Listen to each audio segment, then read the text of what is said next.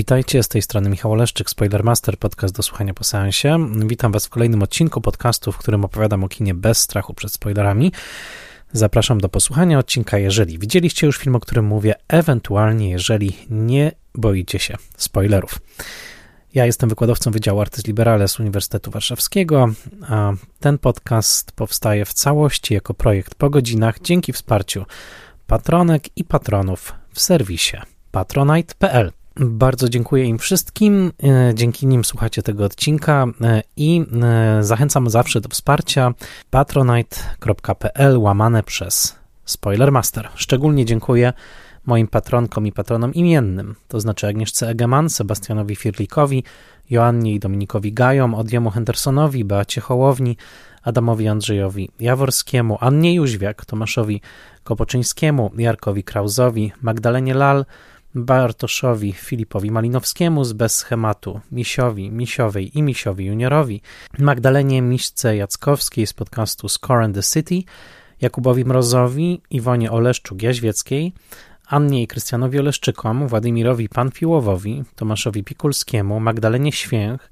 Weronice Więsyk, Jackowi Wiśniewskiemu, Michałowi Żołnierukowi, podcastowi Let's Mate Movies, czyli Jerzemu Zawadzkiemu i Tomaszowi Mączce, a także blogowi Przygody Scenarzysty, prezentującemu analizy scenariuszowe. Dziękuję im wszystkim i zapraszam Was do kolejnego odcinka wyjątkowego, ponieważ opartego w całości na mojej rozmowie z bardzo wyjątkową w moim życiu osobą i myślę, że osobą mm, bardzo dobrze znaną wszystkim, którzy otarli się chociażby o krakowskie filmoznawstwo, to, to znaczy o Instytut Sztuk Audiowizualnych UJ, gdzie od wielu już lat e, profesor Grażyna Stachówna, która za chwilkę zagości w Spoilermasterze, mm, wykładała. Obecnie jest już na emeryturze, ale przez wiele, wiele lat wykształciła pokolenia filmoznawczyń i filmoznawców. I tak się składa, że mm, jest także promotorką mojej pracy doktorskiej, którą obroniłem już ponad 10 lat temu. To była praca poświęcona pisarstwu krytyczno-filmowemu Pauline Kael, a zatem poświęcona także bohaterce jednego z odcinków Spoilermastera. I tak się złożyło, że zbiegły się w czasie dwie okazje. W zeszłym roku, to znaczy w 2023, e, miałem zaszczyt i przyjemność uczestniczyć w uroczystościach 50-lecia filmoznawstwa. I tutaj są dosyć skomplikowane losy, bo były to mm, obchody e, właśnie na Uniwersytecie Jagiellońskim, e, ale obchody rocznicy, która celebruje korzenie obecnego Instytutu Sztuk Audiowizualnych jeszcze na Śląsku, ponieważ to właśnie na Śląsku to pierwsze filmoznawstwo krystalizowało się, to, to filmoznawstwo, z którego później wyrosła właśnie mm, szkoła, mm, szkoła krakowska. Y, I z tej okazji y, odbyła się konferencja. Po latach spotkałem się z panią e, profesor, mm, zamieniliśmy parę słów. Jednocześnie niemal wpadła mi w ręce jej najnowsza książka, to znaczy książka pod tytułem Piekła innego, filmowe adaptacje upiora opery Gastona Leroux. I przeczytałem tę książkę z dużą przyjemnością i pomyślałem sobie, że w końcu pora na to, żeby także moi słuchacze, moje słuchaczki e, mogli się spotkać z panią profesor, ponieważ bez żadnej przesady mogę powiedzieć, że wykłady pani profesor zawsze cieszyły się ogromną popularnością i zawsze towarzyszyła im także pewna specjalna atmosfera ogromnej żywiołowości, e, pasji, jaką pani profesor Grażyna Stachówna wnosiła na te wykłady, a ja e, muszę powiedzieć, że paradoksalnie e, nie uczestniczyłem w żadnym z nich, z wyjątkiem pojedynczych zajęć. Pojedynczych zajęć, ponieważ tak się jakoś złożyło przez całą moją drogę filmoznawczą w Krakowie, że takich regularnych zajęć zakończonych egzaminem, oceną, zaliczeniem z panią profesor nigdy nie miałem. I tylko i wyłącznie chadzałem czasami na jakieś pojedyncze wykłady, pojedyncze mm, monograficzne mm, zajęcia, ale nigdy takich porządnych zajęć od A do Z z panią profesor nie odbyłem, co nie przeszkodziło później w naszej współpracy przy moim doktoracie, ale zawsze gdzieś tam był pewien taki mały niedosyt, że, że no właśnie, nigdy jakoś na większej ilości zajęć prowadzonych przez panią profesor nie byłem.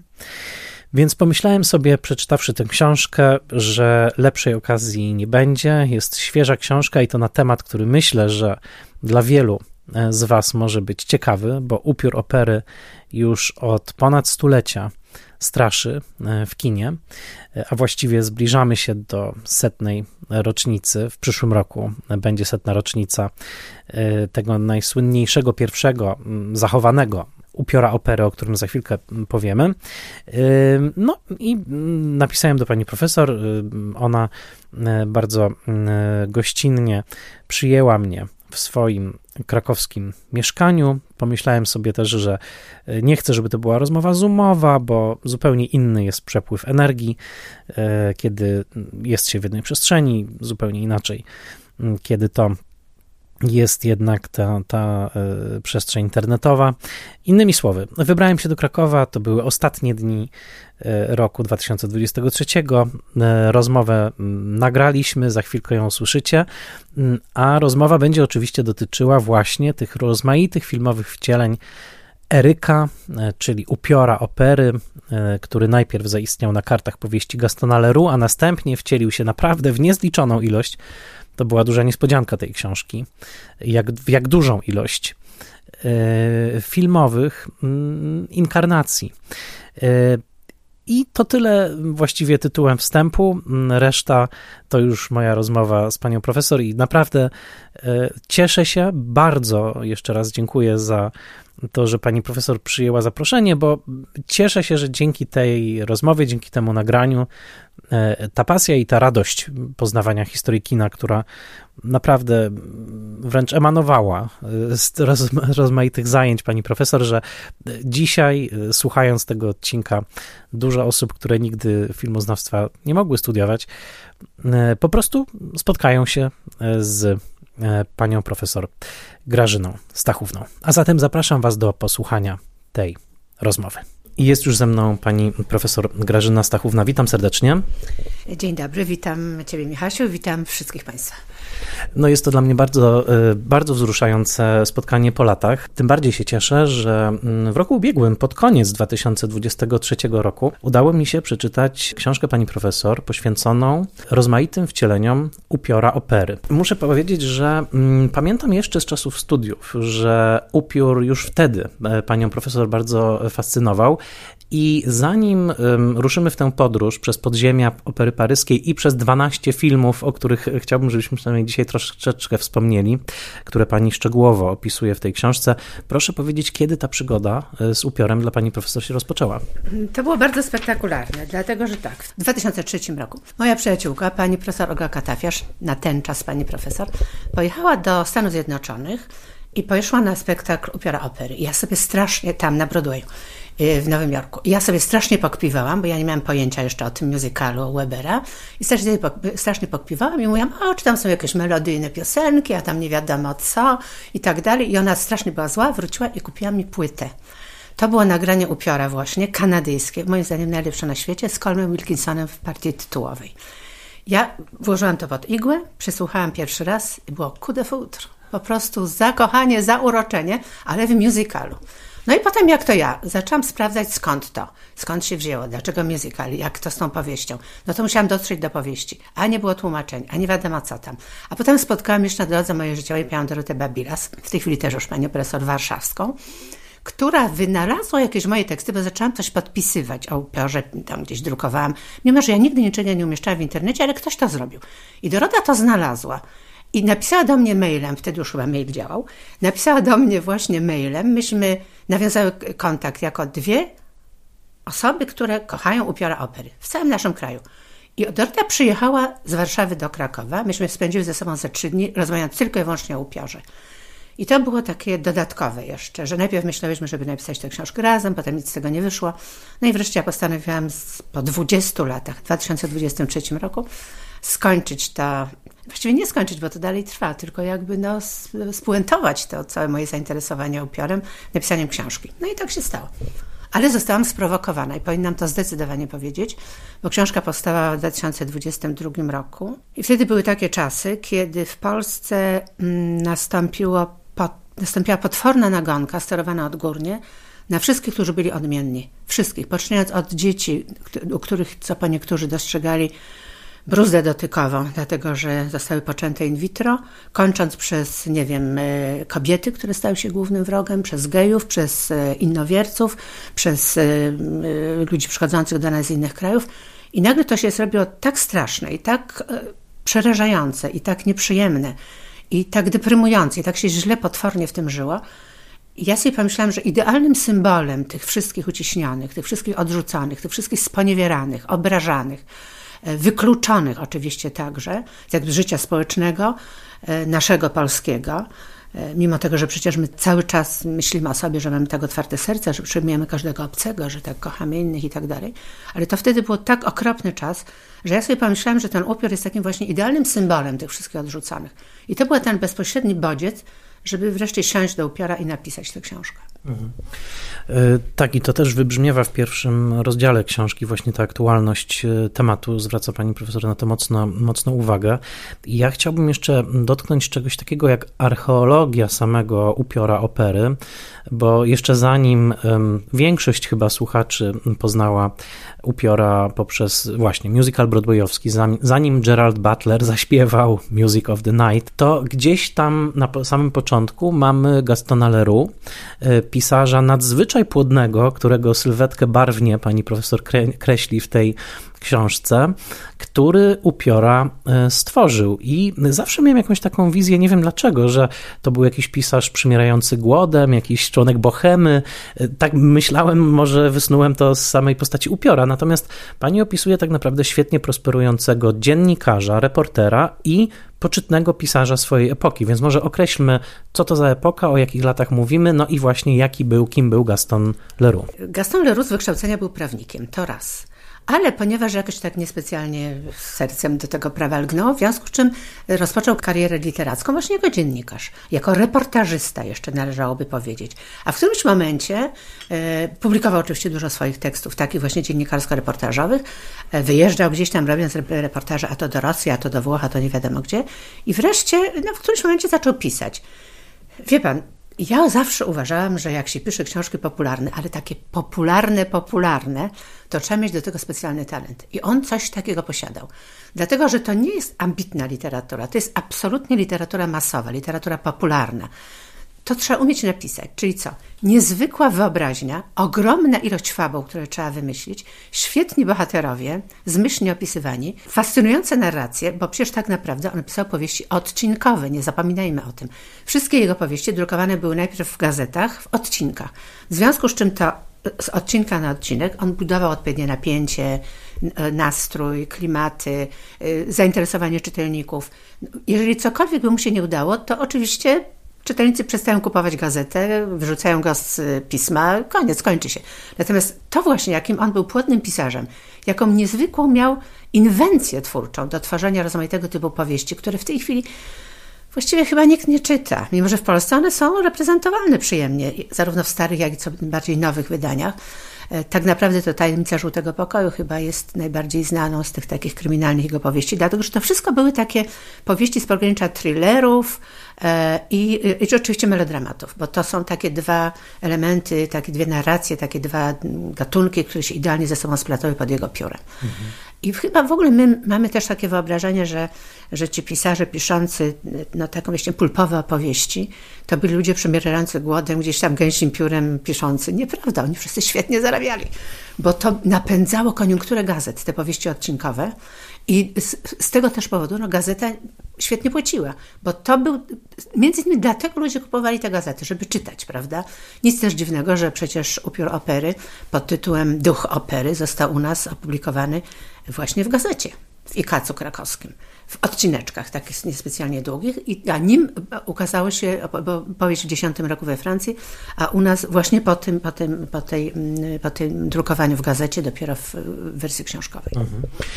Tak, też pani profesor zwraca uwagę w książce na to, że ta umiejętność tworzenia dobrej, pulpowej, popularnej literatury to też pewna umiejętność uwodzenia czytelnika i zostawiania go zawsze troszeczkę głodnym, żeby sięgnął po ten kolejny, e, kolejny odcinek. Ale przy okazji e, Gastona Leroux powinniśmy dodać o jeszcze jednej rzeczy, o której jak zabierałam się do pisania tej książki, to nie wiedziałam.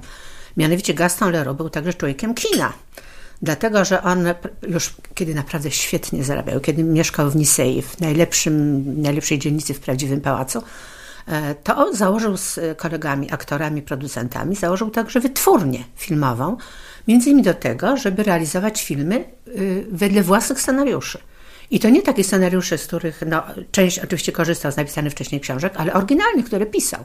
I to było fascynujące, że to był taki człowiek, który świetnie wiedział, no niestety, albo stety, to z całą dumą chyba należy powiedzieć, gdzie zarabiać pieniądze. Hmm. Więc najpierw właśnie y, dziennikarstwo, za które dostał świetne odznaczenia francuskie, potem właśnie literatura, taka właśnie popularna, która przynosiła mu korzyści.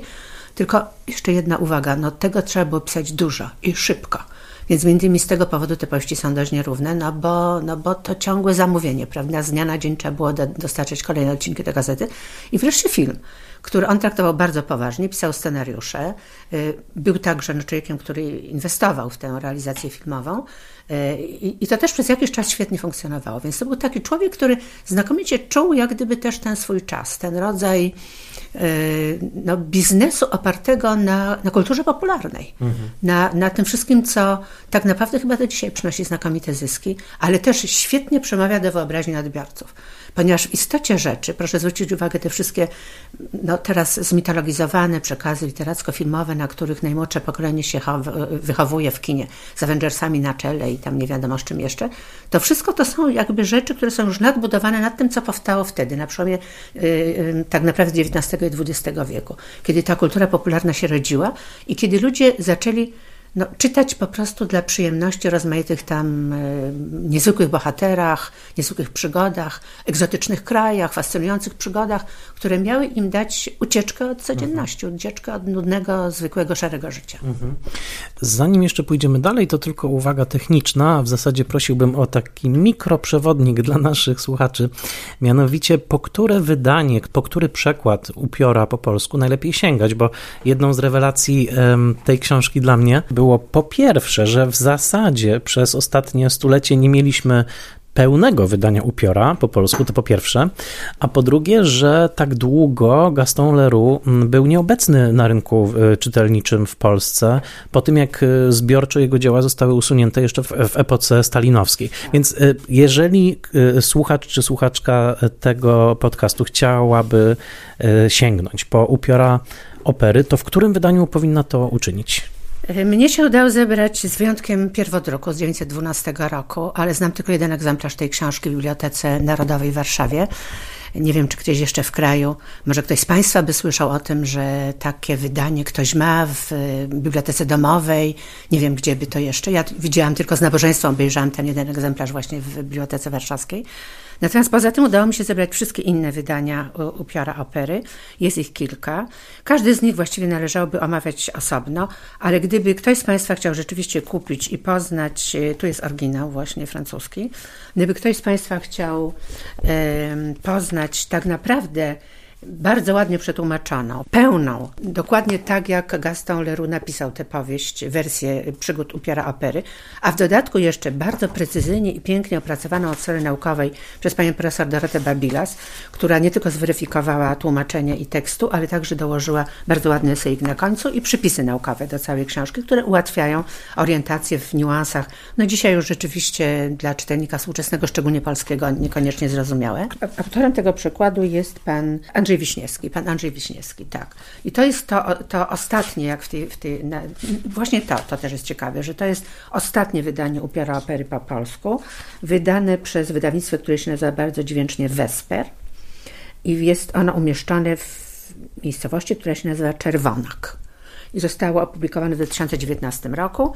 I jest to wszystko właśnie co trzeba i w dodatku jeszcze są przepiękne, przepiękne ilustracje na Bachelier, które znalazły się w takim wydaniu deluxe amerykańskim, bo to jest znakomita plastyczka amerykańska i widocznie to wydawnictwo Vesper uzyskało zgodę na to, żeby y, y, znalazł się rysunek tej, a właściwie obraz tej, tej autorki, na, tej malarki na, na okładce, a także tutaj w środku, gdzie one są takie mm. fascynujące, surrealistyczne, ale bardzo też przemawiające do wyobraźni, no, po prostu bardzo niezwykłe.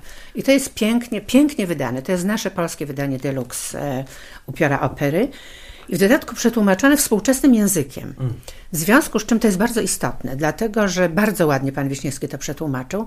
To się ładnie czyta, tu nie ma konfrontacji z językiem staroświeckim, czy z językiem, który, co oczywiście w tych wcześniejszych wydaniach polskich się zdarzało, prawda? Tylko ono jest właśnie ładnie przetłumaczone na współczesny język polski.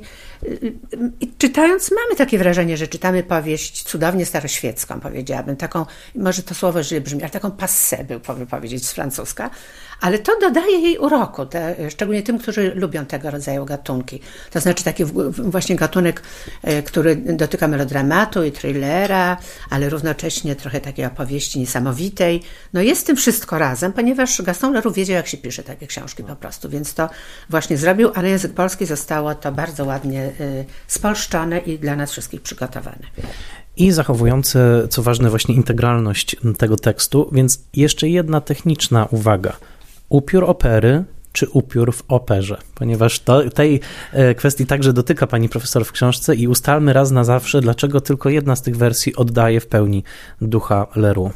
Razem z panią profesor Babilas ustaliłyśmy, że jednak prawidłowa wersja tego, tego tytułu powinna już mieć upiór opery.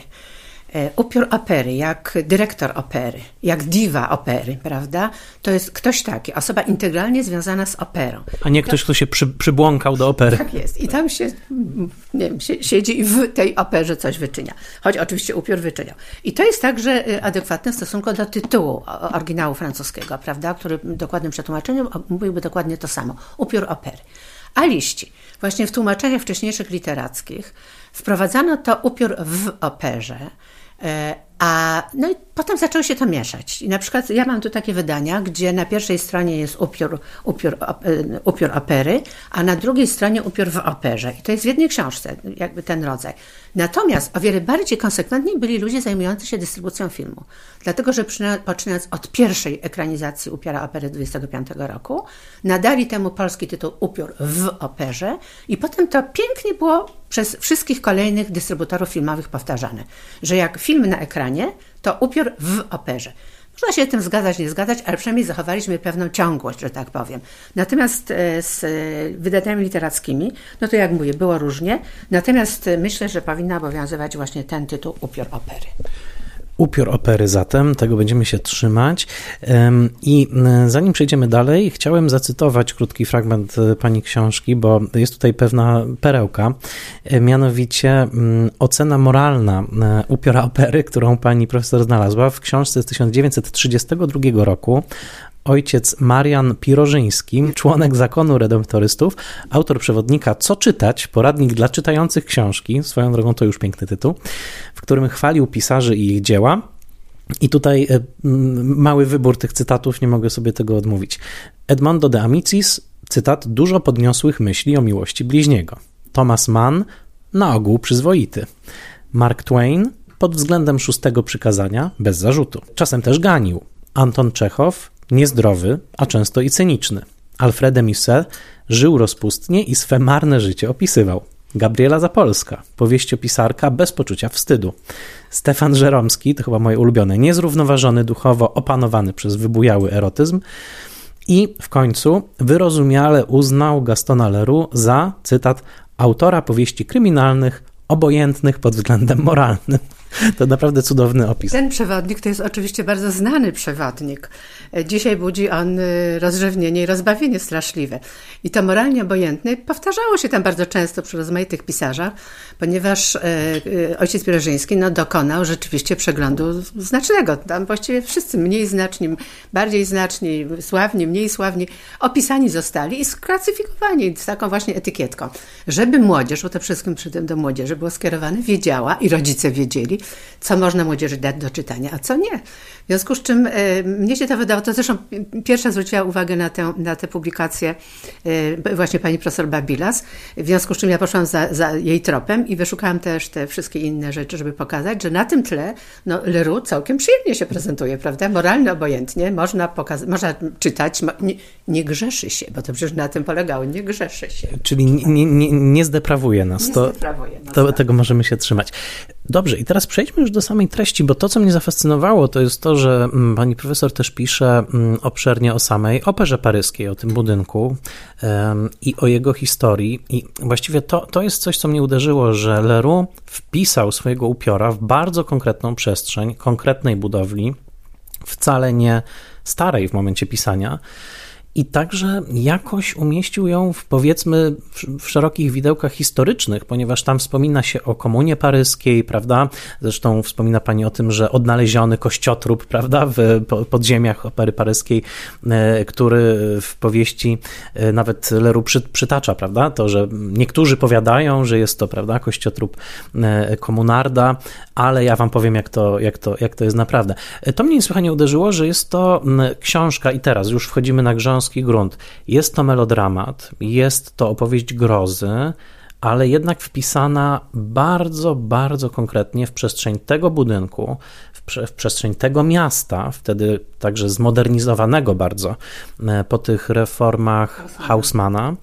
E, I otóż w tym nowym Paryżu, w tym Paryżu nowoczesnym, e, Leroux umieszcza coś tak pierwotnego jak, no właśnie, minotaur, monstrum, stwór, który istnieje i gdzieś tam pełza pod tym, e, pod tym miastem i jeszcze ukonkretnia tą opowieść do tego stopnia, że nawet przydaje mu bardzo konkretną lożę, lożę numer 5, którą notabene można odwiedzać i która nawet ma plakietkę obecnie. Jak domyślam się, pani profesor tam była.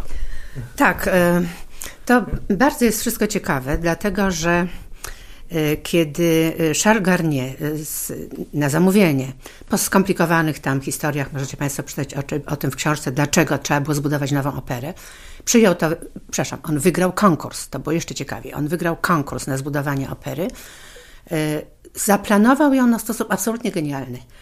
Jeżeli ktoś z Państwa nie dojechał do Paryża, to wystarczy pójść do Teatru Słowackiego, żeby zobaczyć, że to jest miniaturka Palais Garnier, czyli Pałacu Garniera, tej wielkiej opery narodowej francuskiej.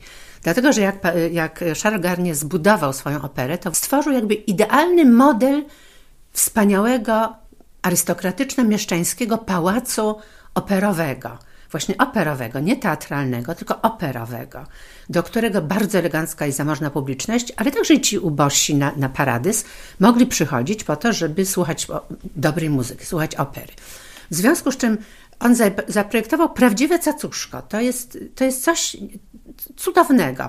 Proszę zwrócić uwagę, już jak się podchodzi do opery, to zaprojektował nawet tę perspektywę, żeby nie było drzew po obu stronach ulicy, żeby od razu uderzała nas, zbliżając się do opery, uderzała nas ta bryła cudownego budynku, który tam gdzieś na końcu się mieści.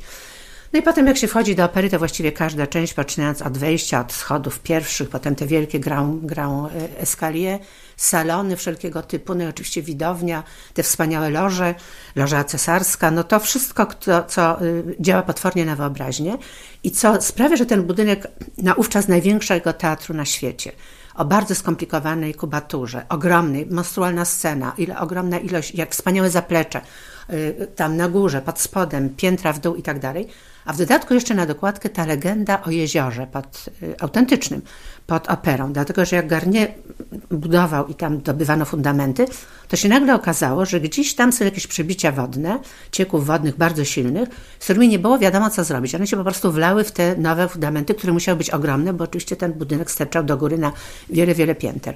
I wtedy on wymyślił coś absolutnie genialnego. Mianowicie obudował tę wodę jak gdyby zamknął je w takim, można to obejrzeć w internecie na kilku zdjęciach, w takim, no, w takim podwójnym łańcuchu murów, które e, e, ja nie umiem tego dokładnie sobie nawet wyobrazić, dlatego że nie znam się na tych architektonicznych niuansach, ale to było coś takiego, jakby on e, w ten sposób zniwelował czy przeciwstawił tym, tym, tym, tą budowlą tutaj wewnętrzną ciśnienie zewnętrzne wody, które się, jak tu ta woda była w środku także, to one się zrównały. W związku z czym Y, tam oczywiście nie wpuszczana jest publiczność, ale podobno jest to rezerwuar wodny na wszelki wypadek, gdyby się coś paliło, nie daj Boże i tak dalej. Ale ta woda ciągle tam jest. I Gaston Leroux, który świetnie znał operę, chodził tam, bo były też takie zwyczaje na ówczas, że panowie przychodzili do panienek z baletu i wchodzili na zaplecze opery, prawda, i tam czarowali te panienki. Pewnie wzajemnie byli przez nie czarowani. W związku z czym on się, on chodził po tej operze. To nie tak jak teraz, że tylko przychodzi się na widownię, już tam dalej nie wpuszczają, bo nie wypada chodzić, jest niebezpiecznie. Tylko on znał tę operę. Znał legendę też opery, tego wszystkiego, co się pisało na temat opery. Czytał jakieś wspomnienia, dawne i pamiętniki. No i ukuł taką właśnie opowieść, w której, w swojej powieści, która, która jest zarazem, y, łączy elementy wyobrażeniowe i fantastyczne z elementami prawdziwymi, które on wplótł do tej historii. Ale jednak wymyślił upiora, i wymyślił jego powód, dla którego on się tam ukrywa, czyli straszliwą deformację ciała, twarzy przede wszystkim, ale także ciała, Ukrył go w podziemiach opery. Obdarzył go niezwykłymi talentami. Mówię tutaj o Eryku, głównym bohaterze jego powieści, czyli właśnie upiorze opery, że on jakby nawet pomagał Charlesowi Garnier zbudować tę operę po to, żeby sobie tam zrobić odpowiednie przejścia, ściany, które rezonowały. No i wreszcie to niezwykłe podziemie, do którego prowadzą trzy drogi, każda inna i każda najeżdżana niebezpieczeństwami, no po to, żeby żeby tam żyć, żeby się ukryć przed światem. Ponieważ był przez świat prześladowany właśnie za swoją inność straszliwą, w związku z czym tam się schował, tam się ukrył mm. z, tą swoją włas- z tą swoją innością.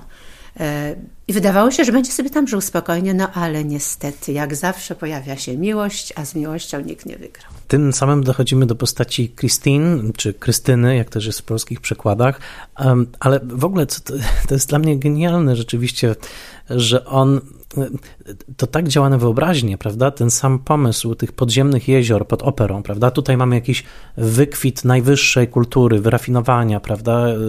Mm, sublimacji, a pod spodem, prawda, ta woda. To coś właśnie takiego ziemskiego, pierwotnego.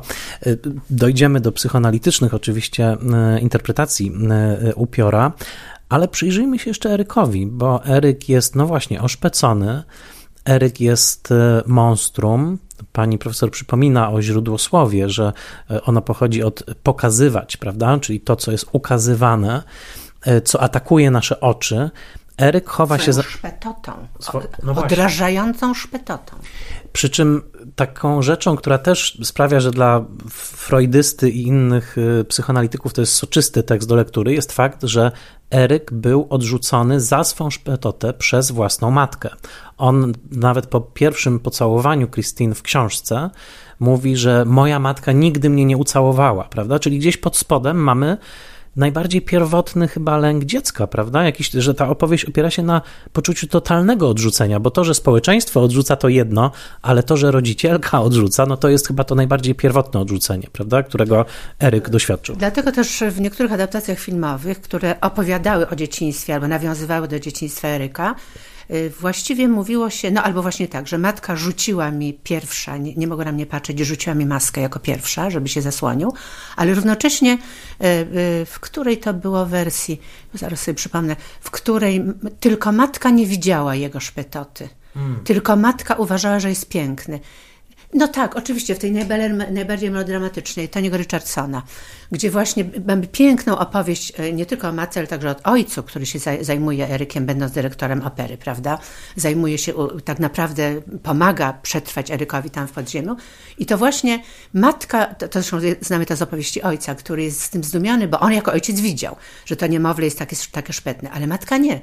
Dla matki on był piękny. W związku z czym, tak jak pan mówi, no to można na to patrzeć różnie psychoanalitycznie, czy wszelako inaczej, poprzez, nie wiem, widzenie macierzyńskiego spojrzenia na dziecko i z tym, z tym związane nasze własne y, uczucia. Y, ale w każdym bądź razie, y, tak, Eryk został, ponieważ urodził się taki, to jest jeszcze rzecz bardzo istotna. Mianowicie Eryk urodził się taki. Oczywiście w dużej ilości adaptacji Eryk się staje taki. To znaczy y, z jakiegoś tam powodu ta twarz zostaje oszpecona. Y, przez rozmaite przypadki losowe. Najczęściej przez jakieś żrące kwasy, którym mu ktoś chlusta w twarz, ta, ten kwas straszliwy wyżera mu pół twarzy. Ale to by jeszcze, choć oczywiście jest to tragiczne, prawda, no bo przypadki chodzą po wszystkich i po ludziach i, i są tragiczne i bardzo przerażające ale to jeszcze I oczywiście jest to skazanie na inność przez coś, co się wydarzyło tragicznego, ale myślę, że jeszcze bardziej tragiczne jest poczucie odrzucenia za coś, czemu się nie jest zupełnie winnym, bo się człowiek taki rodzi, prawda? Eryk się urodził strasznie zeszpecony. U Gastona Leroux idzie to bardzo dosadnie, że on przypominał żywego trupa że to była twarz tak zdeformowana, że właściwie stała się trupią maską. W związku z czym Eryk, jego poczucie krzywdy jest tym bardziej straszne i tym bardziej dla niego przejmujące i poczucie niesprawiedliwości, która go dotknęła, jest tym bardziej y, y, okrutne, że właśnie on nie odpowiada za to, co się stało. Oczywiście trudno, żeby odpowiadał w innych przypadkach adaptacyjnych za to, że ktoś go palał kwasem, ale to jest jeszcze bardziej przejmujące, bo przecież dookoła nas jest wielu ludzi, którzy rodzą się z jakąś skazą, z jakąś traumą, która, która potem z tego wynika. To mogą być rozmaite rzeczy. Deformacja cielesna, myszki jakieś tam, nie wiem. Y, ludzie sobie są, są w stanie zbudować także taką właśnie traumę na, na kształtu oka, kształtu nosa, koloru włosów, nie wiem, wzrostu, tuszy, chudości. Nie wiadomo czego, prawda? ale w gruncie rzeczy nie odpowiadają za to, ale mają głębokie poczucie niepasowania do tak zwanych normalsów. Mhm. Często urojoną, to znaczy nic takiego tak naprawdę się nie dzieje, ale oni to w sobie odbierają jako coś, co ich piętnuje. Natomiast no, w przypadku ludzi naprawdę okaleczonych przez los, y, no to to jest y, no, po prostu nieszczęście, mhm. z którym nie bardzo wiadomo, co zrobić i takie totalne odrzucenie jest straszne, okrutne i przerażające. I, i Leroux w jakimś sensie Chyba do tego się odwołał, budując tę postać, tworząc tę postać Erika i dając mu schronienie w, w podziemiach opery. E, powiedziałbym, że geniusz Leroux hmm, chyba też przejawia się w tym, kiedy spojrzymy na te miliony fanów upiora na całym świecie, że chyba dotknął czegoś, co jest bardzo bliskie rzeszy ludzi, że być może czasami każdy z nas i każda z nas może się poczuć, prawda, jak ten inny. E, nawet jeżeli e, nominalnie jesteśmy normalsami, to gdzieś w środku czujemy, że nie do końca przystajemy. Mamy jakiś kompleks, jakąś, jakieś przekonanie o niższości także i myślę, że w tym jest wielki, wielki geniusz upiora, że koniec końców każdy jest w stanie się z nim zidentyfikować. Przynajmniej w pewnym zakresie, ponieważ myślę, że dla zdrowo myślących ludzi, którzy sobie nie wiem, ubrdają, że mają za duży nos albo za mały, to y, y, uzmysłowienie sobie, że już trzymamy się tego przykładu, że Eryk przypominał żywego trupa, no to powinien, powinno to dawać nawet pewien rodzaj satysfakcji i radości. To nie wyglądam tak źle, to jeszcze ze mną nie jest tak źle. Ja myślę, że to jest bardzo skomplikowana mm. sprawa z tym, z tym upiorem, ale ja zawsze bardzo mu współczułam.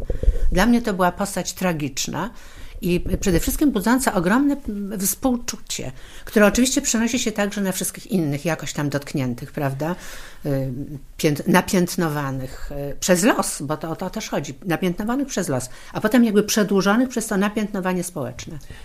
Przeczytam fragmencik w tłumaczeniu Andrzeja Wiśniewskiego. To jest ten moment, kiedy Krystyna opowiada Raulowi o tym, no, dla mnie kluczowym momencie całej fabuły, kiedy zrywa mu maskę, tak? kiedy, zrywam, e, kiedy zerwała maskę e, Erykowi. W przekładzie, o którym pani profesor wcześniej wspomniała, ten fragment e, brzmi tak.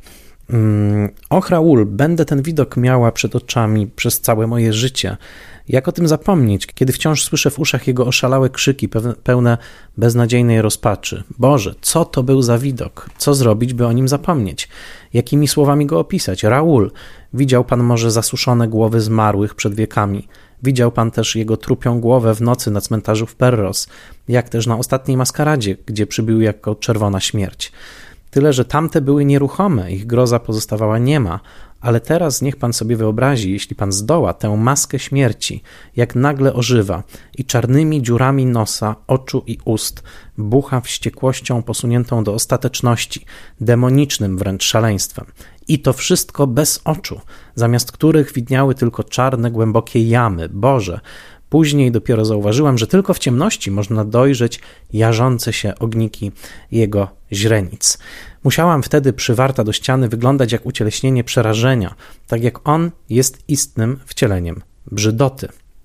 I jeszcze mały fragment. Podszedł wtedy do mnie, zgrzytając wstrętnie zębami w pozbawionych warg ustach. Padłam na kolana, a on wysyczał mi z nienawiścią jakieś bezładne słowa pozbawione sensu, jakieś przekleństwa. Był jak w delirium. I teraz tak, ma, mamy ten opis Eryka, mamy to, czym jest naznaczony, ale jeszcze zanim przejdziemy do pierwszego filmu, e, jednocześnie przecież Eryk ma wspaniały i piękny dar. I to jest jego piękny głos. I w tym jest, jak, jak to dokładnie z tym głosem Eryka jest? Tak, Eryk ma piękny głos, e, którym świetnie się posługuje, zarówno wtedy, zarówno wtedy, kiedy mówi i którym przywabia Krystynę, oczywiście proponując jej, że będzie nauczycielem muzyki, będzie ją uczył, będzie ją doskonalił w śpiewie, ona jest y, sopranistką, ale równocześnie to jest bardzo ładnie połączone z faktem, że jej kiedyś tam już zmarły ojciec, który był skrzypkiem, zapowiedział, że po jego śmierci pojawi się w jej życiu anioł muzyki. Właśnie po to, żeby y, sprawić, żeby zastąpił, żeby ten anioł muzyki zastąpił jego ojca, który właśnie odchodzi, ale równocześnie no, był kimś, kto ją wprowadzi jeszcze bardziej niezwykle świat muzyki. I to się zlewa w jej wyobraźni. Ten właśnie człowiek, który jej się nie pokazuje, tylko wabi ją pięknym, na pewno barytonowym głosem, gdzieś tam za, za, za, za lustra, bo on tak naprawdę po raz pierwszy przemawia do niej za lustra. W związku z czym najpierw wabi ją tym przepięknym, męskim głosem. I u Leru jest to bardzo, bardzo niezwykłe. Myślę, że kobiety to tak mają, że właściwie zaczynają sobie wyobrażać, wszyscy może to tak mamy, mężczyźni też, że zaczynamy sobie coś wyobrażać i ona słysząc ten głos wyobraża sobie kogo? No pięknego mężczyznę, to jest oczywiste. I kiedy wreszcie trafia, Eryk ją porywa do, po raz pierwszy do podziemia, to ona jest zamaskowana, ona nie widzi jego twarzy, to cały czas właśnie myśli sobie o tym, że on jest piękny. Że jak zdejmie tę maskę, to będzie piękny, bo głos no, no, łączy się z, przynajmniej w jej wyobraźni kobiecej, że to mhm. będzie ktoś doskonały w całości. Potem nagle okazuje się, kiedy ona mu tę maskę zrywa, że, że tak nie jest. Ale Eryk y, potrafi też śpiewać tym głosem. To jest Uleru, gdzie razem śpiewają duety i w niektórych adaptacjach filmowych także się to pojawia, że Eryk potrafi śpiewać, ponieważ był, jest bardzo zdolny muzycznie, potrafi komponować, komponuje tę swoją operę Don Juan Zwycięski. To też jest bardzo piękny, prawda, w tytule, że oto Don Juan prawdziwy wodziciel, piękny mężczyzna, mit, który został w kulturze na wieczność ukonstytuowany, no, naczelnego wodziciela. Don Juan Zwycięski, który właśnie tutaj no, jest w jakimś sensie reprezentowany także przez Eryka, który marzy o takiej roli, choćby po to, żeby uwieść Krystyn. Ale, ale oprócz tego y, Eryk jeszcze jest znakomitym budowniczym, o czym już wspomnieliśmy, w związku z czym tych talentów ma rzeczywiście wiele. I tak jak Gaston Leroux tam o nim pisze, no gdyby nie ta jego straszna twarz, to byłby to jeden z najwspanialszych reprezentantów naszej epoki. Tak. I Upiór idzie do kina, e, rok 1925, chociaż e, też istnieje pewna wersja wcześniejsza, wersja zaginiona, ale pierwsza wersja taka, którą możemy obejrzeć i wersja zresztą, która na dekady chyba zdominowała wyobrażenie o upiorze. To jest oczywiście film z roku 1925, nominalnie podpisany przez Robert, Ruperta Juliana. Maczali też w tym palce. to maczał palce. E, tak, prawda. włącznie z Lois Weber, tak. pionierską reżyserką, to też odrębny, odrębny wątek. I, i, I zatrzymajmy się na chwilę, oczywiście nie przejdziemy przez wszystkich 12, do tego tutaj odsyłam do książki, bo są one szczegółowo opisane, ale o tych najważniejszych chciałbym, żebyśmy dzisiaj wspomnieli. No i musimy powiedzieć o Lonie Chaneyu, który wciela się i który jako pierwszy tak naprawdę masową wyobraźnię ukształtował w tej, pani profesor podkreśla, bo 50 którejś minucie filmu dopiero ta maska zostaje zerwana, po raz pierwszy widzimy tę twarz, no i właśnie, jaka jest to twarz? Czy jest to twarz zgodna z opisem Leru? Y, jaki jest ten y, upiór Chaneya? Znaczy, nim do tego przejdziemy, to jeszcze wspomnę, że ta pierwsza wersja niemiecka zaginiona, zaginiona nie ma oczywiście, pochodziła z 1916 roku, y, ale to też ciekawe, została zrobiona w Europie, czyli w Niemczech, nie we Francji, w Niemczech. I od razu trzeba by to zaznaczyć, we Francji nigdy nie zrobiono żadnej adaptacji filmowej. Francuzi nie lubią upiora opery, pogardzają powieścią Gastona Leru i dopiero po długich latach i awanturach fanów operowych, którzy biegali po teatrze, po palegarnie i szukali, gdzie ta, ta piąta loża, dyrekcja zdecydowała się tam umieścić tę tabliczkę. No i potem trochę już spuścili stonu, już potem balet y, Rolanda Pti był wystawiony, na, oparty na, na upiorze opery. To już w, w butiku tam operowym można znaleźć książki, już tam coś, jakieś pamiąteczki po upiorze, no bo oni zrozumieli, że po prostu to jest biznes, można na tym zarabiać. Ale nawet nie wystawili nigdy upiora opery mm, Webera, mm. czyli tego musicalu. Też on nie ma wersji francuskiej, mm. ale nigdy nie był także wystawiony. Zresztą w dramatycznych okolicznościach spłonęły dekoracje tuż przed premierą, zrezygnowano. No, fascynująca historia. Nieważne. Wracamy do, do tej pierwszej adaptacji z 1925 roku. Maska zostaje, no bo najpierw upiór się oczywiście pojawia, My go nie słyszymy, bo to kino nieme, ale widzimy jego cień. Wiemy, że on przemawia do Krystyny, porywa Krystynę, zawozi ją. Boże, jaka to piękna scena, kiedy wnikają tam do podziemia. Muszę, muszę przyznać, że to jest najbardziej oniryczny film, powiedziałabym taki właśnie budujący fascynującą przestrzeń plastyczną, zarówno na powierzchni, tam w teatrze, jak też przede wszystkim pod spodem, dlatego że my tu mówiliśmy no, o jakichś tam e, prawda, jeziorach, o murach, nędzy straszliwie, która tam mogła panować, natomiast wyobraźnia filmowców sprawiła, że te katakumby zamieniły się no, w rajskie pałace, w których Eryk mieszka, nie wiadomo skąd ma pieniądze, a ma, no bo przecież dyrektorzy go opłacają, 20 tysięcy franków, związku z czym ma za co tam zrobić sobie wspaniałe wyposażenie tej groty, w której mieszka, łącznie z monumentalnymi organami, na których grywa. Wyobraźnia i dodajmy hollywoodzki budżet, bo fakt, że to hollywoodzki film, to ten film jest wystawny i do Universal. dzisiaj robi wrażenie. Universal, pierwsza, pierwsza adaptacja, zbudowano specjalną operę, replika opery paryskiej, prawda? No i właśnie te cudności tam podziemne, gdzie upiór zabiera Krystynę, przewozi ją przez, przez e, jezioro, wsadza na białego konia, no, czy czarnego, już nie pamiętam, czarnego chyba, a za nią wlecze się taki wspaniały biały welon. Mm, po prostu cudo. No właśnie, i kiedy wreszcie w tej 50 którejś minucie on zdziera tę maskę z siebie, bo najpierw my go widzimy tylko zamaskowanego, z taką białą wstążką kryjącą usta, bo on nosi taką maskę typu kolumbina, czyli zakrywającą oczy i tutaj właśnie taką wstążkę, która się troszkę rusza, jak aktor mówi, i taką myckę dziwną ma na głowie, która kryje czubek jego czaszki. Kiedy Krystyna to z niego zdziera, Moim zdaniem, podobno publiczność amerykańska krzyczała, bo to bardzo efektownie zostało zrobione w filmie przez taki najazd kamery, pokazanie na zbliżeniu, gra świateł cudownie. E, I, I moim zdaniem jest to najpiękniejsze w cieleniu Eryka. Dlatego, że potem z różnych względów, bardzo różnych, e, tonowano tę jego twarz. E, nie wiem, może z tego powodu, żeby nie razić oczu widowni, żeby jednak, tak jak zaczęto odchodzić od tej koncepcji, że to jest jednak przyrodzone, przyrodzona cecha wyglądu Eryka, tylko że został okaleczony, w związku z czym y, no, charakteryzatorzy budowali już na tej twarzy rozmaitego typu y, inności, które nigdy nie były tak szokujące. Natomiast rzeczywiście ta twarz Lana Chaneya jest fascynująca, ale był to mistrz charakteryzacji, on sobie sam robił charakteryzację i tutaj przemyślał to w najdrobniejszych szczegółach.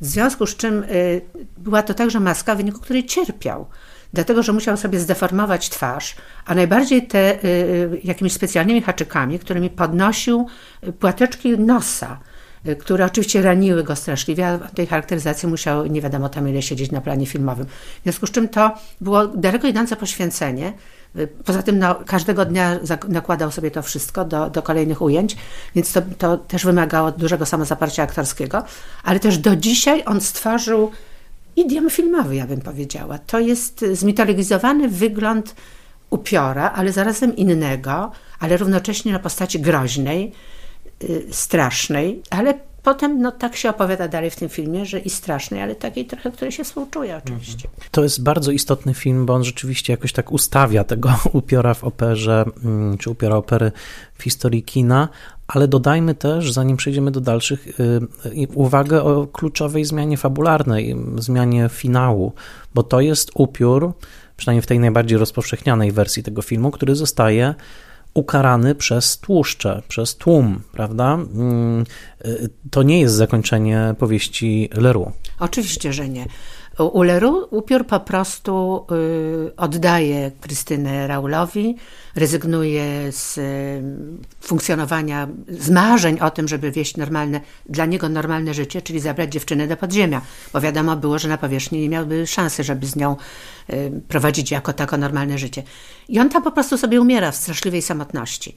Y, narrator tego, tego, tego i inni bohaterowie, którzy o nim opowiadają, bo to jest tak jeszcze ładnie budowane przecież w powieści, no w pewnym momencie tylko domniemywa, dowiaduje się, że upiór już nie żyje, rozpoznając tam rozmaite elementy jego szkieletu i, i, rozmaitych gadżetów, które przy nim znalazł. Ale to jest też bardzo ciekawa rzecz, dlatego że nie tylko odchodzono od tej oryginalnej koncepcji, żeby upiór był człowiekiem upośledzonym od samego zarania, czyli od momentu swojego urodzenia, ale zmieniano fabułę. I wie pan, to jest piękne tak naprawdę przy adaptacjach. Ja to bardzo cenię w adaptacjach, że dzieło przemawia do nas nie tylko tym, jakie jest, kiedy zostało napisane, ale przez twórczy wkład adaptatora zaczyna przemawiać także do współczesnych widzów. W związku z czym kolejne adaptacje to były tak naprawdę odejścia także od oryginału w zakresie fabularnym. I to się stało już przy okazji tej pierwszej adaptacji, gdzie stosunkowo dość wiernie opowiadane są y, historie. Ja starałam się w mojej książce dać także streszczenie każdego filmu, żeby pokazać, jak dalece one odchodzą od oryginału, ale równocześnie jak y, y, są różne między sobą, bo to też było niezwykłe, prawda? Jak w kolejnych latach, kolejnych dekadach, kolejni scenarzyści, mniej czy bardziej pomysłowi, zmieniali także fabułę filmową, budując tak naprawdę swoją własną opowieść o, o, o Eryku, budując swoje własne wyobrażenie na temat tej postaci ale równocześnie takie, które miałyby łączyć się z, no, z wrażliwością, z obyczajowością epoki, w której film powstawał. I tam właśnie, w tym 1925 roku, jedynym wzorcem y, gatunkowym oczywiście w zakresie filmu był horror z potworem, z monstrum. W związku z czym film był budowany w taki właśnie sposób, że my Oczywiście bardziej powodując się współczesną wyobraźnią i, i, wrażliwością ludzi, współczujemy Erykowi, ale w fabule filmowej tego nie ma. Eryk jest potworem do samego końca i musi umrzeć tak jak potwór, jak Frankenstein, jak każdy inny potwór z tamtej zresztą fascynującej epoki kina niemego i potem początku lat dźwiękowych, kiedy zaczęły się pojawiać monstra, takie właściwie już zmitologizowane monstra. Nosferatu. Oczywiście, z Nosferatu, no to europejski przykład, ale jednak, prawda? Czyli dokładnie tak, pojawia się monstrum, które jak w porządnym horrorze, Świat jest harmonijny i cudowny, pojawia się monstrum, które robi chaos nieprawdopodobny, zagraża, morduje, nie wiadomo co tam wyczynia. Pojawia się ktoś, kto go pokonuje, monstrum musi umrzeć. Bez tego, a świat wraca do normy, świat wraca znowu do harmonii. I dokładnie tak zbudowana jest ta pierwsza adaptacja. Monstrum straszliwe, które czyni zamieszanie, które morduje, które podnosi łapę na piękną młodą kobietę zwróćmy jeszcze uwagę, to buduje kolejne wyobrażenie dotyczące jakiegoś straszliwego w nas, jak to nazwać, no uprzedzenia, że monstrum nie może podnieść oczu na piękno. Ale co by to znaczyło? Że człowiek, no jakoś tam upośledzony, nie może się związać y, z osobą normalną. Nie może, oczywiście to słowo w cudzysłowie używam, bo bo to burzyłoby tę harmonię, prawda, że już nie powiem piękny dla pięknego, ale normalny dla normalnego. Monstrum nie ma prawa do tego, żeby się zakochać, żeby monstrum, wycofuję to słowo, człowiek jakoś tam upośledzony, nie ma prawa się zakochać, nie ma prawa realizować się w zakresie y, romansowym czy miłosnym, właśnie z tego powodu, że mu to nie przysługuje, bo nie jest normalny. Mm, przychodzi mi do głowy Człowiek Słoń Davida Lyncha, prawda? I tam też pięknie rozegrany y, wątek, dokładnie ten, o którym pani profesor teraz Ale mówi. Cały, cały, taki ilość filmów rozmaitych, gdzie się właśnie opowiada o tych, o tych y, nieszczęsnych ludziach, którzy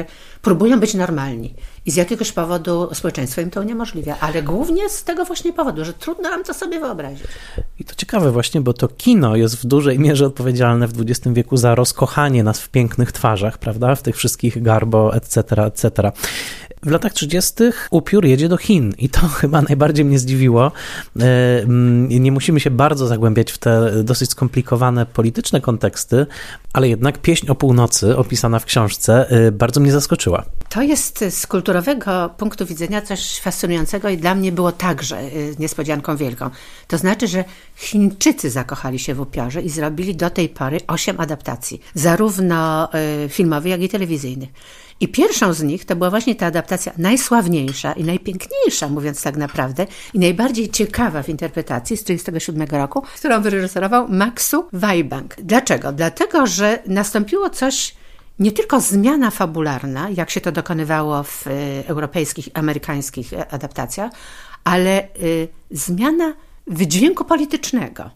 Mianowicie y, historia upiora z opery, tak jak ją znamy z y, Leroux, czyli człowieka y, okaleczonego, tu po raz pierwszy zresztą, w tym 1937 roku, właśnie Chińczycy dokonali radykalnej zmiany, to znaczy twarz głównego bohatera została polana kwasem. I to zdeformowało jego twarz. Natomiast, i to jest te, no, pierwsze wielkie odstępstwo od oryginału, ale równocześnie on jest bojownikiem o sprawę ludu. Dlatego, że te wszystkie rewolucje ludowe, te wszystkie naprawdę ideologie, które naówczas się, ja to wszystko ze szczegółami opisuję, które były tak istotne dla historii Chin tamtej epoki, zostały wprowadzone do tego filmu. A w dodatku ten film jest niesłychanie piękny. Jest czarno-biały. On dorównuje urodą oniryczną temu oryginałowi amerykańskiemu z 1925 roku, ponieważ jest to już film dźwiękowy, w związku tam się dużo śpiewa. I to się śpiewa zgodnie z kanonami muzyki chińskiej, opery chińskiej należałoby powiedzieć. Mnie się udało też z pomocą mojej przyjaciółki, y, która y, zna chiński, udało mi się mm, przetłumaczyć te teksty, bo one no, dodają też y, urody temu fabule filmowej, całej tej historii, która jest bardzo romansowa i bardzo poruszająca i, i bardzo nieszczęśliwa, ale kończy się tak jak, jak, jak wersja amerykańska, to znaczy śmiercią upiora, tak naprawdę zaszczutego przez ludzi, którzy nie zrozumieli, że nie jest on demonem, bo brali go za demona, kiedy już obnażył tę twarz, no tylko człowiekiem, który kiedyś walczył o dobro tego ludu. Fascynujące, prawda? To pokazuje, że naprawdę upiór jest takim płótnem, na który można rzucić każdy rodzaj fantazji, włącznie z polityczną, tak. ale Chińczycy wracają do tej historii, wracają do niej w połowie lat 90. No to już kolejny raz. Ironi Yu, znany skądinąd, bo realizował także filmy do Hollywoodu, nakręcił film, który nie ma nic wspólnego z tą pierwszą wersją chińską, czyli nie ma tam żadnego elementu politycznego, żadnej ideologii, która by mogła ożywiać go jeszcze w sposób dodatkowy, tylko jest no prześlicznym melodramatem.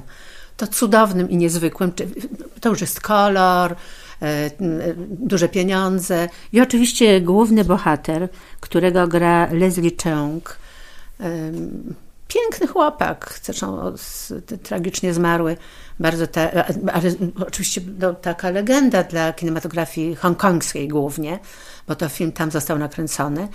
I to jest właśnie piękna opowieść e, romansowa, e, która się dobrze kończy. To znaczy, i to muszę Państwu opowiedzieć. Tym bardziej, że film można obejrzeć wszędzie na, na, w sieci. Mianowicie mm, główny bohater udaje mu się pokonać swojego głównego wroga i tak dalej, i tak dalej, ale Krystyna traci wzrok w wyniku rozmaitego typu tam zawieruchy, w związku z czym on może się z nią połączyć we finale, bo nie umiera, bo ona go nie zobaczy. I mnie się wydawało to zawsze takie strasznie okrutne, że oni jej nie dali szansy, żeby ona powiedziała, bo ona tam oczywiście szaleje, nie wiadomo co jej się dzieje w momencie, kiedy go traci jako swojego prawdziwego ukochanego. I tak pomyślałam sobie, dajcie tej dziewczynie szansę, żeby ona na niego popatrzyła i powiedziała, kocham cię mimo to, prawda? Nie, ona musi zostać okaleczona, żeby go nie widzieć jednak. Fascynujące. Czyli tak, będę z tobą. Był taki film, ja cię kocham, a ty śpisz. To tutaj ja cię kocham, ale cię nie widzę. tak?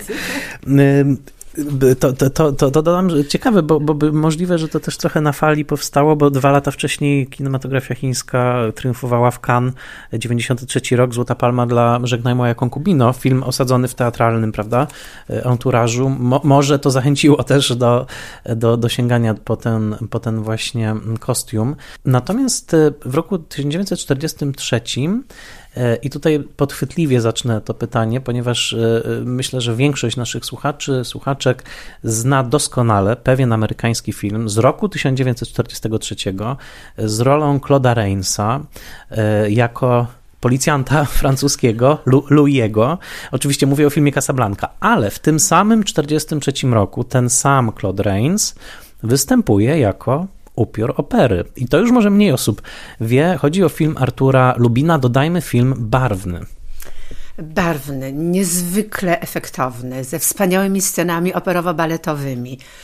No, między innymi z tego powodu, że tak naprawdę Claude Rains i jego twarz. Ale tu ciekawostka, ponieważ to była wojna, więc Claude Rains powiedział, że nie życzy sobie, żeby go oszpecać ponad y, tam jakąś dopuszczaną granicę, dlatego że z wojny wracali mężczyźni okaleczeni y, z poparzonymi twarzami. I on uważał, że byłoby to nieprzyzwoite. W związku z czym, kiedy spada ta maska na jego twarzy, no my widzimy deformację, ale ona nie jest taką deformacją straszną, szokującą, jak tam w tych, tych, tych wcześniejszych filmach. Jak zresztą w wersji chińskiej, gdzie, gdzie e, twarz chińskiego upiora z 1937 roku jest twarzą naprawdę demona to jest też przekształcenie fascynujące. Y, myślę, że, że reżyser chiński znał wersję hollywoodzką, bo to czy widać także z, z filmu, jak, żeby się do niej odpowiednio ustawić. Ale wracając do tej wersji amerykańskiej z 1943 roku, więc jest to niesłychanie efektowna, bardzo pięknie zrealizowana wersja, w której tak naprawdę głównym bohaterem jest y, Nelson Eddy, śpiewający amant tamtego czasu. który jest, y, był barytonem, sławnym naówczas, występował w y, filmach śpiewanych i, i musicalach, ale głównie filmach śpiewanych z y, Utworów Muzycznych. I on tutaj gra postać, której w ogóle nie ma w oryginale. Y, On był taką, taką siłą no, przewodnią. Na niego podejrzewam, publiczność chodziła do, do, kina, żeby, to, żeby y, obejrzeć ten film. On, był, on miał ten, ten największy napis i pierwsze nazwisko na, w czołówce filmowej i tak dalej. No ale rzeczywiście ciągle mamy do czynienia z opowieścią o upiorze opery, tylko odpowiednio przekształconą. Otóż, teraz upiór opery, bo Claude Rains był człowiekiem no, w absolutnie średnim wieku, może nawet powyżej średniego wieku, jest on właściwie ojcowski w stosunku do Christine i to nie zostaje tak wyraźnie wyartykułowane w fabule filmowej, ale w scenariuszu było. Oni się potem z tego wycofali, ponieważ zaczęło ich to niepokoić, że to tak kazirodztwem nieco pachnie. Kiedy właśnie upiór opery zaczyna się y, opiekować Christine, w związku z czym to pozostaje w domysłach, ale my wiemy, że to chodzi o to, że on jest jej ojcem po prostu, o czym Krystyna nie dowiaduje się do końca i dlatego się nią opiekuje. Y, No i potem oczywiście te wszystkie kłopoty z, z tym, że ukradziono jego operę, y, przez niego, że okaleczono mu twarz, że on się ukrywa w y, podziemiu. No dalej chce się opiekować córką, prawda, Krystyną, w której kocha się aż dwóch absztyfikantów, czyli policjant i właśnie ten baryton operowy. Wejdę w słowo i dodam, że Nelson Eddy to jest taka zapomniana figura, bo te filmy już są pokryte taką grubą warstwą patyny, prawda? Te operetkowe filmy z Janet MacDonald. Dobrze by było je przypomnieć, bo to jest, jest pewien taki... ro- Człowiekiem hollywoodzkim, się mówią. No właśnie, E, cały rozdział. I teraz, no właśnie, bo, bo jest jeszcze wiele adaptacji późniejszych. Ja chciałbym wyróżnić, ale zaraz też zapytam panią profesor o mm, pani tutaj e, faworytów, ale jedną z ciekawszych, teraz zrobię duży skok do przodu, bo po drodze jeszcze Robert Englund zagra, prawda, e, upiora opery. e, Demonicznego, bo De- napiętnowanego przez diabła. no właśnie, to może, może jednak zatrzymajmy się przy tym Englundzie, dlatego że nasi słuchacze na pewno znają go jako Frediego Krugera z Koszmarą z ulicy Wiązów. Tymczasem w filmie wyprodukowanym przez słynnego Menachema Gol- Golana, e, właściciela firmy Canon, no właśnie, pojawia się Freddy Krueger jako upiór i to jest taka wersja, no znowu mocno zahaczająca o horror. Przede wszystkim, i to ten satanistyczny, jeśli w ogóle jest taka pododmiana, demoniczny. Dlatego, że tu z kolei, to jest ciekawe w pomyśle, że tu z kolei e, jego twarz zostaje naznaczona przez diabła. Po prostu diabeł, którego, który tam interesuje się tym młodym człowiekiem, sami Państwo zobaczycie przy jakiejś okazji, dlaczego tak się dzieje, dotyka łapą diabelską jego twarzy i wypala mu znamie na twarzy. T- Żeby wypełnić to znamie, e, ten upiór, ten Eryk musi zabijać, ponieważ wypełnia sobie te straszliwe krwawe rany skórą ludzi, których e, obdziera po prostu z tej skóry. W związku z czym my widzimy, jak on taką wielką tępą igłą sobie wszywa te, te łaty w twarz. No coś okropnego. Ale jest też bardzo okrutny i e, może nie aż tak straszny jak, jak upiór u u Daria Argento, ale jednak też sadystyczny i zabija dla przyjemności. Ale oczywiście kocha, jak zawsze, kocha Christine. I to jest jeszcze bardzo interesujący motyw, że to jest taka miłość, która realizuje się w czasie. Jest wtedy tam, właśnie na początku, y, czy na przełomie XIX-XX wieku, a potem przenosi się do współczesności. I ona, właściwie finał tego filmu sugeruje nam, że będzie odżywać zawsze, ponieważ, ponieważ tak naprawdę Eryk jest demonem, w związku z czym Eryk nie może umrzeć. I Eryk y, ciągle zabijany wraca do, do życia i będzie cały czas tę Krystynę w jakichś kolejnych jej, nie wiem, wcieleniach, narodzinach prześladował w dalszym ciągu. E, Jedną z takich dosyć niezwykłych adaptacji i za chwilkę oczywiście będziemy musieli e, wylądować w tej w krainie Andrew Lloyda Webera, bo on jednak em, zdominował wyobrażenie upiora przez ostatnie dekady, ale jednak chciałem wspomnieć o adaptacji Dario Argento właśnie z 1998 roku z Julianem Sandsem, e, e, tragicznie zmarłym w roku ubiegłym. Wszyscy śledziliśmy zaginięcie aktora na e, wycieczce górskiej. O, finał okazał się tragiczny. Tutaj bardzo ciekawy pomysł. W ogóle film jest szalony, od tego zacznijmy. Nie tylko krwawy. e, krwawy, utrzymany w poetyce giallo, na dodatek naładowany różnymi psychoanalitycznymi symbolami, ale co ciekawe, Julian Sands mm, nie jest w tym filmie zdeformowany. Tak, bo y, Sands był bardzo przystojnym człowiekiem. W związku z czym ja nie umiem odpowiedzieć, czy ten jego nos jest autentyczny, czy leciutko przedłużony.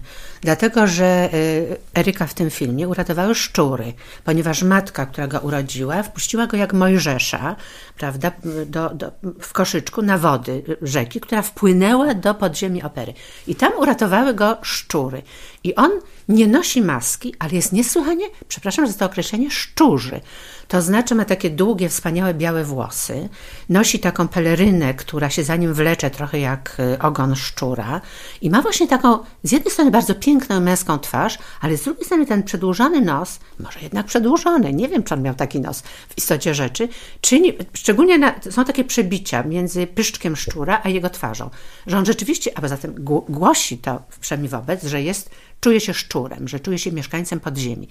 Nie ma powodu, żeby on wyszedł z tej, y, żeby nie żył na powierzchni, dlatego że niczym się od ludzi tak naprawdę nie różni. No poza tym, że słyszy myśli i jest dookoła niego zimna, prawda? Tak emanuje zimnem, co oczywiście wszyscy dookoła wyczuwają i oczywiście zabija. Te, te, lubi to. Naprawdę zabija dla przyjemności. Bardzo okrutnie i bardzo krwawo. Bardzo krwawo. Nieważne.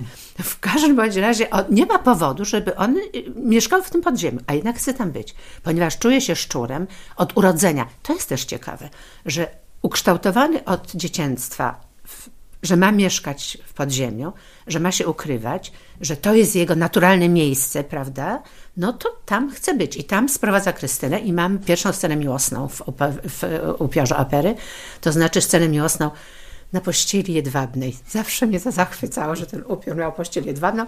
Na pościeli jedwabnej cud... bardzo piękna scena miłosna między upiorem a Krystyną. Graną przez córkę reżysera. Przez córkę reżysera. Azję Argento. Azję. Kto zna y, kino Dario Argento wie, jak szalone i piękne w tych swoich szalonych zawijasach ono bywa. I powoli dochodzimy, jeszcze wrócimy do, do, do kilku poprzednich, ale chciałbym, żeby wybrzmiał jednak ten upiór um, Andrew Lloyd Webera. Jest połowa lat 80., hit e, podbijający Broadway na, na, długie dekady, tak naprawdę. No najpierw West End na, w, Nowym, e, w Londynie, gdzie legendarny producent Cameron McIntosh, który wylansował dwa najsławniejsze muzykale w historii, czyli Upiora Opery i, i Le Miserable, no wystawił te, ten musical. Oczywiście Weber był wziętym kompozytorem, miał już tam wcześniej poczynione jakieś bardzo udane musicale i nagle wystawia ten musical i wszyscy się w nim zakochują. No ciągle z tego samego powodu, że ten upiór działa na wyobraźnię. Ale oczywiście jest do tego prześliczna muzyka. Poczynając od wstępu, który jest y, fascynujący, organowy, no aż do, do finału, przez wyprzymywania pozytywki i wszystkich tych rzeczy czarujących i niezwykłych, cudownych songów, do których muszą być potwornie trudnych. To jest, nie są niesłychanie trudne songi, które trzeba umieć zaśpiewać. Stąd też ja mam takie pretensje nieco do, do realizatora filmowego, który w pewnym momencie przeniósł, oczywiście za sprawą Webera, któremu jeszcze mało było zysku. Najpierw więc sukces na West Endzie, potem na Broadwayu, potem wystawianie chyba we wszystkich możliwych, liczących się stolicach europejskich i nie tylko europejskich, bo azjatyckich także, nagrania płytowe, ale ciągle mu było tego mało i wreszcie no, próbował sprokurować także realizację filmu. Najpierw z tą obsadą londyńską, czyli Crawfordem i, i jego ówczesną małżonką, Sarą Breitman, Natomiast y, w wyniku no, rozwodu z żoną, potem tego, że, że y, reżyser był zaangażowany w co innego, to się wszystko przedłużało i wreszcie w 2004 roku odbyła się w grudniu, czyli na gwiazdkę premiera. I ja miałam zawsze takie trochę pretensje, że to jest tak strasznie teatralne, że wyobraźnia nie przekroczyła konwencji teatralnych że nawet musicale można było chyba by zrobić w innej konwencji. Mhm. Właśnie nie teatralnej, tylko jakiejś takiej no, z wyprowadzeniem w przestrzeń. Ale chodziło też pewnie o to, żeby jednak oddać hołd spektaklowi, mhm. hołd musicalowi, żeby y, koncepcja plastyczna, także bardzo efektowna w tym filmie, działa się w absolutnej sztuczności i mhm. umowności. No i tak się stało czy Gerald Butler. Dodajmy, że to Joel Schumacher wyreżyserował film. Y, reżyser znany z bardzo nierównych filmów, ale czasami także z bardzo kampowych filmów, nawet jakim był Batman i Robin. Y, czy Gerald Butler jest dobrym upiorem? Proszę szczerze. Nie, nie jest dobry. Y, powiem dlaczego. Po pierwsze, on nie umie śpiewać. On śpiewał w jakiejś kapeli rockowej I to się wydawało, że to może być dobry, taki szorstki baryton. Ale niestety ja mam także nagranie płytowe, no, które jest jeszcze gorsze, ponieważ w tym sensie, że jest y, remasteryzowany, tak to się nazywa, mhm. czyli y, dopełniane dźwiękiem y, syntetycznym, dźwiękiem sztucznym. On sobie nie radził, bo jak mówię, te partie są niesłychanie trudne, w związku z czym no, trzeba było dodać mu splendoru głosowego. I niestety uważne ucho to słyszy, mhm. że to jest taki głos nie do końca prawdziwy, powiedziałabym. Mhm. Ale oczywiście no, na użytek filmu jakoś tam się sprawdza. E, natomiast Emi Rossum, która była naprawdę młodziusieńką dziewczyną, szesnastolatką czy siedemnastolatką, kiedy tę rolę grała, e, jest obdarzona nie tylko wielką urodą, ale także ślicznym, srebrzystym sopranem i bardzo sobie ładnie radziła w tej roli. I zresztą to ciekawe, bo e, Film na Zachodzie miał lepsze recenzje, w Polsce został zjechany straszliwie. Chyba trochę niezasłużenie, mimo wszystko. Bo jednak budował on pewne wyobrażenie o musicalu, o całej tej historii. Był bardzo romansowy i taki właśnie chyba sympatyczny w odbiorze. W każdym razie ona była najczęściej nagradzana. To jest hmm. też ciekawe. Nie, inni, nie jej partnerzy, tylko ona sama. I jeszcze warto wspomnieć o Patricku Wilsonie.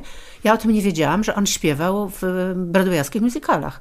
I on śpiewa tu własnym, bardzo ładnym barytonem, też sobie ładnie radzi. Pominęliśmy kilka e, wersji, pominęliśmy nawet całkiem ich sporo. Ja tylko chciałbym zapytać, bo po drodze jeszcze upiór, upiór pojawia się w filmie wytwórni Hammer. E, pojawia się w serialu telewizyjnym reżyserowanym przez Tonego Richardsona.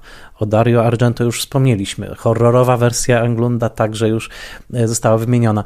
Chciałbym zapytać, która z tych wersji, nad których teraz tak trochę przeskoczyliśmy, o której warto naprawdę jeszcze wspomnieć i którą, na którą warto zwrócić uwagę, bo nie ukrywam też, że będę zmierzał do pytania o tę ulubioną.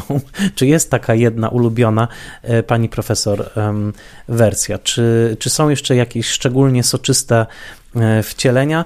E, no, nawet nie mówiąc już o takich trawestacjach daleko idących, jak chociażby Upiór w raju Briana De Palmy, który bardzo daleko odchodzi od litery tekstu, ale ducha, mam wrażenie, zachowuje. Łącznie z Erykiem i z jego zmasakrowaną twarzą przez maszynę do wytłaczania płyt, żeby było wesoło. I tam y, dużo się śpiewa, bo to jest właściwie też jakby film muzyczny. Rokowy. Rokowy właściwie. Y, y, w związku z czym on buduje też taki bardzo specjalny przekaz. Bo to jest fascynujące, ile rzeczy nadbudowano na tym upiorze. Ile... Upiór w Hollywood. U, upiór w Hollywood, na dokładnie. Bardzo lubię ten film. To jest opowieść o śmierci wielkiej wytwórni hollywoodzkiej, w której no żyje sobie taki człowiek, ukrywa się człowiek, z kaskader, któremu kiedyś tam zmasakrowano twarz i on się tam ukrywa. W związku z czym y, ciągle ten, ten motyw y, daje się w coś wpasować, prawda? A to w kino, które się zawaliło w innej tam adaptacji, a to właśnie w wytwórnię filmową, a to w ten, ten raj, czyli wielki teatr tak naprawdę muzyczny, który główny producent filmowy próbuje zrealizować. No w każdym razie ciągle on gdzieś funkcjonuje i ciągle pasuje. To jest najbardziej fascynujące. Którą ja lubię najbardziej? No oczywiście najbardziej melodramatyczną, czyli tę wersję Tony'ego Richardsona. Mm. Dlatego, że tam jest najpiękniejszy upiór, jakiego można sobie wyobrazić, czyli Charles Dance, który jest pięknym, postawnym mężczyzną. Upiór był albo mężczyzną w średnim wieku, no, który nie budził specjalnie entuzjazmu kobiet, widzek filmowych, albo tak jak w wersji z 25 roku był szkaradny nie tylko na twarzy, ale także i cieleśnie, bo potwornie wychudzony, to znakomicie to wszystko Lączany zrealizował. Butler próbował zagrać kogoś przystojnego, ale jakoś no, ja na niego nie reaguję, przepraszam bardzo, może jakieś inne panie.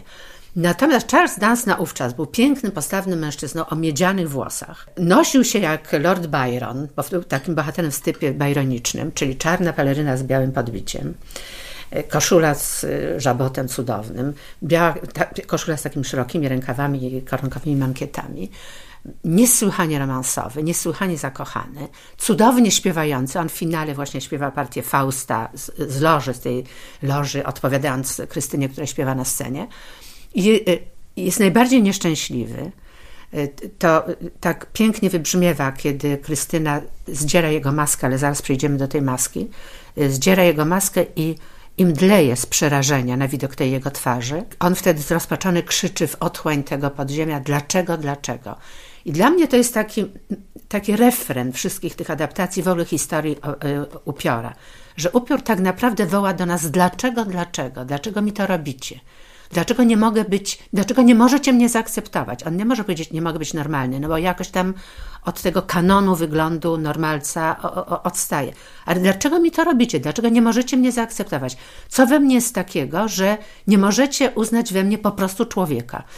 Natomiast jeżeli dołożymy do tego interpretację, że rzeczywiście ludzie skazani na odrzucenie, na zmarginalizowanie, na upokorzenie, hodują sobie też rodzaj odwetu, no to zrozumiemy, że on po prostu staje się zły nie dlatego, że taki się urodził i, i, i był zły z przyrodzenia, tylko dlatego, że, no, że odpowiedział na nienawiść swoją własną nienawiścią, która miała być dla niego obroną. Ja tego oczywiście nie usprawiedliwiam, ale jednak no, musiał się jakoś bronić, więc bronił się dokładnie w taki sam sposób agresywny, w jaki jego atakowano. Wracając do tej wersji Richardsona, otóż tu jest ta niezwykłość. Mówiliśmy, że u Dario Argento w ogóle upiór nie ma maski, czyli od samego początku tej jego twarzy widzimy. Natomiast Charles Dance nosi maskę, nosi kilka masek, które y, konweniują z jego stanem emocjonalnym. One są bardzo piękne i my nigdy tej jego twarzy nie widzimy. Nigdy, przez cały film, nawet wtedy, kiedy Krystyna zdziera tę maskę, ona widzi tę twarz i mdleje, natomiast my nie widzimy tej twarzy, my jako widzowie. A tak naprawdę wszyscy jesteśmy przyzwyczajeni do tego, że musimy obejrzeć twarz upiora. Po to przyszliśmy. Po to przyszliśmy do kina. Proszę zwrócić uwagę, wypadek na ulicy, nie daj Panie Boże, wszyscy stoją i się gapią. To jest w nas, od starożytności opisane. To jest w nas. Nasze oczy lubią patrzeć na rzeczy straszne. Możemy odwracać oczy, możemy je przesłaniać, ale tak naprawdę przez patrzy palczymy na to, co się dzieje. My naprawdę chcemy zobaczyć, jak wygląda ta twarz. W związku z czym, z jednej strony, dla niektórych może to być rozczarowanie, ale dla innych, na przykład dla mnie, nie. To jest pobudzenie wyobraźni. To jest po prostu pustka w tej twarzy, którą ja sobie sama wyobrażam, jaka ona może być. No straszna zapewne. Czy ja bym ją zaakceptowała? Nie wiem. Ale to jest takie też przypomnienie, czy może uświadomienie mm, środkami artystycznymi, że ta twarz nie jest dla nas. Ona nie jest dla nas do patrzenia, no bo tak jak, prawda, Czanej, który był właściwie główną atrakcją filmu, prawda, czekali widzowie godzinę, żeby w końcu się przerazić. Może Richardson, nie pokazując twarzy e, upiora w tej wersji, mówi nam mm, nie sprowadzę go do tej roli, nie upokorzę go, żeby był dla was, prawda, tym, e, tym czymś, tym frikiem, tym odmieńcem, na którego wy chcecie e, chcecie popatrzeć. To, to bardzo odważna, realizacyjna, ale też piękna decyzja. To zresztą zostało wprowadzone bardzo, dokładnie tak jak pan mówi, zostało wprowadzone do fabuły filmowej. Mianowicie upiór opery zostaje zastrzelony przez własnego ojca, tego dyrektora opery, na swoją prośbę. Osaczony przez policję na dachu opery, wie, że kiedy go złapią, no to będą go wystawiać, bo wtedy były takie zwyczaje, że właśnie ty, tych odmieńców pokazywało się w cyrkach, w związku z czym może stać się kimś takim. Natomiast, i on tego potwornie nie chce, on się całe życie ukrywał i nie chce, żeby inni się gapili na tę jego twarz. I dlatego na jego gest pełen prośby, ojciec strzela do niego, grany przez Barta Lancastera, wybitnego aktora amerykańskiego, którego właśnie zabija. Krystyna wtedy zdejmuje maskę z jego twarzy i składa pocałunek na jego czole, już bez obrzydzenia. My tego dalej nie widzimy. przykrywa potem jego twarz maską. No i dalej nie widzimy tej twarzy. Tylko, no, tylko współczujemy temu, co się stało i wiemy, że ojciec zadba, żeby nawet ciało Eryka nie zostało ukazane oczom ludzi, oczom ludzi, prawda? Żeby tajemnica jego twarzy, tajemnica jego wyglądu została zachowana. Piękna interpretacja. Dzięki gościnności pani profesor rozmawiamy mm, w pani krakowskim mieszkaniu, wypełnionym także różnymi, e, nie wiem jak to powiedzieć, chciałem gadżetami. gadżetami związanymi e, z upiorem. Słuchacze nie mogą tego zobaczyć, ale ma pani e, profesor na sobie także t-shirt upiorowy i kolczyki. Nie jeden. Nie, nie jeden, tak. Ale widzę też dużą kolekcję kolczyki, płyt. pan, niech pan skończy. No właśnie, kolczyki z... są z Nowego Jorku. Z maską. Z maską, tak. Z maską, tak. To są kolczyki klipsy, tu mi dyndają i właśnie na końcu dynda maska upiorowa. Więc to są... Tam jest maska, no właśnie. którą ja przywiozłam po bankiecie z Teatru Roma, kiedy odbyła się premiera upiora opery Webera w Teatrze Roma właśnie. A najcenniejszy element tej kolekcji dla, dla Pani, jakiś może pamiątka po najpiękniejszym e, spektaklu upiora? Na pewno jest tego dużo, ale czy jest coś takiego, co szczególnie e, ceni Pani sobie jako po prostu zdobycz? No, lubię programy, które, które udało mi się przywieźć oczywiście z teatrów, gdzie widziałam upiora opery. Lubię ten kubek, widzi go pan tutaj czarny. On jest, to jest magiczny kubek, dlatego że jak się leje do niego y, gorący płyn, to pojawia się biała maska upiora. Ja potem zrobię panu herbatę gorącą albo kakao i jak się tu wlewa gorąco, to tu ta maska nagle się pojawia. Cudo po prostu. To Anglicy oczywiście wymyślili. Oczywiście kolekcja płyt, y, która y, zgromadzone przeze mnie nagrania narodowe Weberowskiego y, upiora. Y, 13 ich mam, w tym także oczywiście nagranie polskie z Teatru Roma. Ale to jest bardzo różne, bo od Meksyku, z Anglii, gdzie to jeszcze było najpierw, potem Stany Zjednoczone, ale i Meksyk, aż do Azji do, do Korei i Chin, gdzie, Japonii, do Korei i Japonii, gdzie się, gdzie się także wystawiało, gdzie się wystawiało upiora opery. No oczywiście wszystkie adaptacje filmowe, które udało mi się zgromadzić. Y, Ta, ta wersja z 25 roku to nawet w kilku wersjach, bo tak naprawdę nie wiadomo, jaka wersja obowiązuje i która jest ta najbardziej ostatnia. No w każdym razie y, y, jakieś plakaty, które jak pan tu widzi, udało mi się także zgromadzić.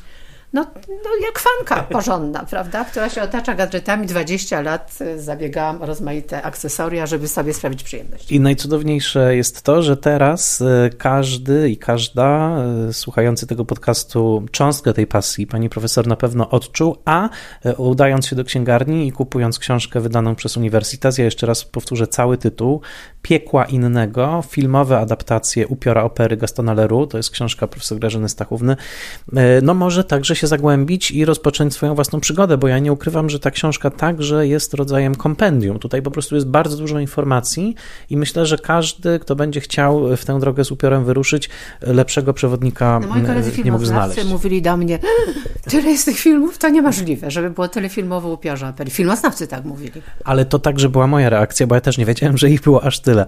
Pani profesor, ogromnie dziękuję za tę rozmowę. Czy zdradzi Pani rąbka tajemnicy, nad, e, jeśli chodzi o kolejny projekt, czy to jeszcze nie ten czas? Proszę uprzejmie, to już właściwie jest ten czas, bo napisałam chyba z jedną trzecią. To będzie tym razem monografia filmu, jednego z najpiękniejszych polskich filmów, czyli Panny z Wilka, Andrzeja Wajdy.